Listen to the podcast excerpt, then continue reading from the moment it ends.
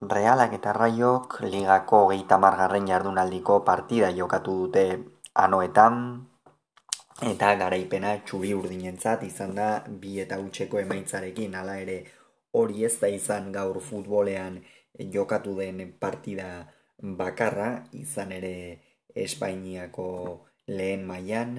Osasunak hiru eta bi irabazi dio Betisi, Almeriak bat eta bi galdu du Atletiken aurka, Valladolidek bat eta utzi irabazi dio Gironari eta Real Madridek bi eta utzi irabazi dio Celtari. Ingalaterran, Fulamek bi eta bat irabazi dio Leeds Unitedi, Brentfordek eta Aston Villak bana egin dute, Crystal Palasek eta Evertonek usna, Leicesterrek bi eta bat irabazi dio Wolvesi, Liverpoolek hiru eta bi Nottingham Foresti. FA Cupen ere partida izan da. Manchester City hiru eta utzi irabazi dio Sheffield Unitedi, Italiako ligan hiru partida Salernitanak hiru eta utzi irabazi dio Sassuolori, Torino utxeta bat irabazi dio hori eta Sampdoriak eta Espeziak bana egin dute. Bigarren mailan Villarrealbek galdu egin du Albazeteren aurkaitxean bat eta bi, Kartagenak bi eta bat irabazi dio Sportini, Andorrak bat eta lau irabazi dio Ponferradinari, Las Palmasek eta Levante kusna egin dute eta Obiedok bat eta bi irabazi dio Ibizari. Alemaniako ligan Mainzek hiru eta bat irabazi dio Bayern Munichi, krisian daude zalantzari gabe Tomas Tugelenak, Koloniak bat eta hiru Hoffenheimi, Wolfsburgok bat eta bost Bosumi, Werder Bremenek bi eta lau eta Borussia Dortmundek lau eta huts irabazi dio Eintracht Frankfurti. Eta Frantziako ligan amaitzeko hauserrek eta lilek ban egin dute eta lehen segiru eta utzi irabazi dio eh, monakori. Pilotan gaur ez dugu analisirik egingo, baina jakin pilota profesionalean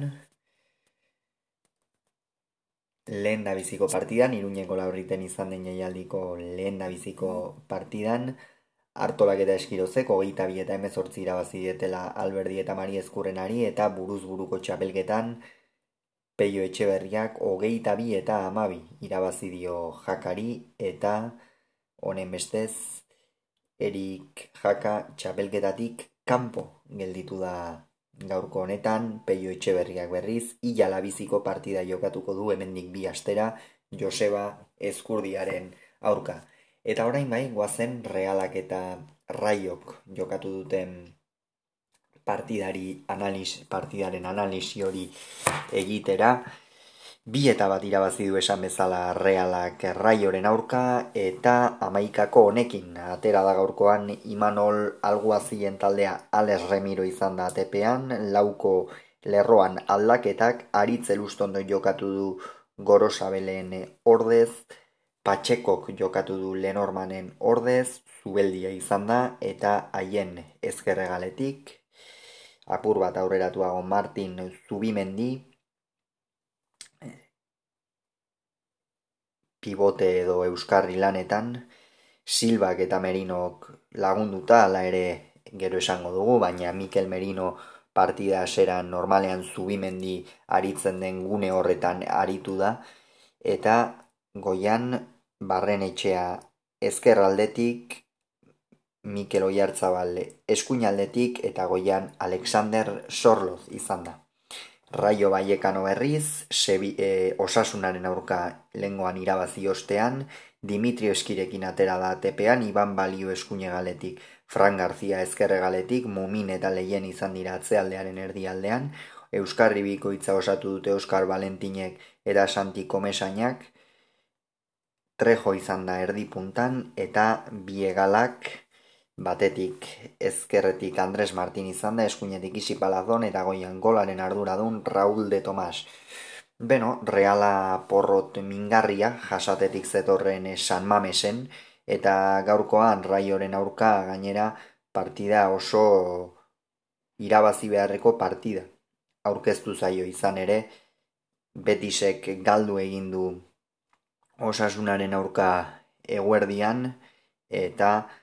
Betis zen orain artean txapeldunen ligako postu horietarako jarraitzen zen taldea, reala jarraitzen zuen taldea, eta Betisek galdu egin du eta benetan realak aukera bikain aprobetsatu du gaurkoan eta lehen zatirikan gainera nagusi hasi da izan ere amairugarren minuturako jada lehen gola sartu du baina balio gabetu egin du epaiak beno, gol horren inguruan iritzi bat ematearren edo iruditzen zait etzela kentzeko gola ia esan e, bestela futbolean jada kontaktua desagertu egingo litzake eta eta futbola noski kontaktu kirol bada, baina epaileak ez du horrela interpretatu, barrera joan da, begiratu du eta esan du Davi Silbak ez duela baloia ikutzen raioko jokalaria ukitzen duela. Mikel Oiartzabalen gola egin aurretik eta horren ondorioz usna geratu da markagailua. Une horretan hor pixka bat e, bera itzaldu egin da reala une, une batez, baina gero berriz ere esnatu dira txuri urdinak, eta esan behar da lehen zatian e, Mikel Merinok eta Martin Zubimendik postuak aldatu dituztela izan ere, Mikel Merino aritu da Euskarri moduan eta Martin Zubimendi Davi Silbarekin batera zelai erdiko jokalari puru moduan. Aritu dira, gero bigarren zatian zubimendi pixka bat postua hobeto hartzen eh, joan da, baina hori izan da partida seran gauzarik aipagarriena zalantza izpiri gabe. Lehen zatia usnako emaitzarekin amaitu da, hor silbak izan du aukera bat, trejok ere, remiro katera behar izan duena, eta orokorrean reala oso nagusi zen, oso nagusi zen, raio etzuen erasoan ezertxo ere egiten, Isi Palazon eta Andres Martinera bat desagertuta zeuden, Raul de Tomas zer esanik ez, leku aurkitu ezinik, eta realean benetan albisteak oso onak ziren. Bigarren zatian ordea, lehengo lepotik hasi da burua, reala nagusi izaten, baina berrogeita amazazpigarren minutuan Jon Patxeko korain artean ikusi ez diogunak zoro bat, lelo bat egin du eta isi palafonek baloia nola hartu duen eta zelai erditik aniaia. Remiroren ateraino lasterkaldi bizian joan da eta gero maixuki bukatu du kaskantearraren aurrean jokalari murtziarrak. Berrogeita amazazpigaren minutua zen hori eta une horretan bertan iaia raio gola ospatzen ari zela esan dezakegu haienek erdirak eta bikain bat egin du eta Alexander Sorlozek buruz maixuki bukatu du. Sorlozek behingo egin du gola buruz beti eskatzen zaio ez daukan altuerarekin, daukan gorputzarekin erdiraketak errematatzeko jokalaria izan behar dela ba. gaurkoan erakutsi horretarako gai badela gole erra sartu du eta realak sakon hartu du arnasa berdinketako gol horren ostean izan ere emaitza etzen justua izaten ari eta hor izan da nola baitean partidaren gako hau da sorlozek gola egin du eta jada imanolek bi aldaketa presteuzkan eta azkenerako hirugarren bat ere e, sartu du. Iarra menditxo eta kubo zela iratu dira eta barrenetxea merino eta oiartzabal kendu, kendu ditu. Mikel Merinoren partida gaurkoan egia esan ez da, ez da ona izan baloi asko galdu ditu erasoan ere neiko kamutz ikusi dugu iruin semea, Ander barren etxea lengoan ongi aritu zen aletiken aurka, gaurkoan behar ba pixkatxo bat e, falta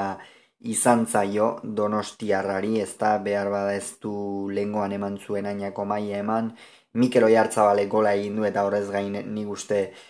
partida ona jokatu duela, baina ia bigarren zatian pixkanaka itzaltzen joan dela, baina kontua kontu hortxe ondagakoa, eta gero laro gehieta bat garren minutuan igor zubeldiak baloi bikain bat eman dio kubori, kubok magia atera du une horretan bertan, baloia aurrera eraman, txori eman dio pasea, txok haien ikusi du eta haienek erdirak eta bikain bat egin dio kasu honetan sorrozen ordezatera den Carlos Fernandezi eta Carlos Fernandezek partidan ikutu duen lehen baloian gola egin du. Benetan, albiste onak besterik ez dira izan gaurkoan anoetan realaren zat, Carlos Fernandezen gola haienek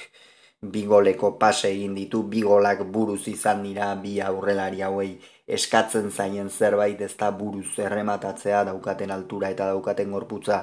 kontutan hartuta eta benetan.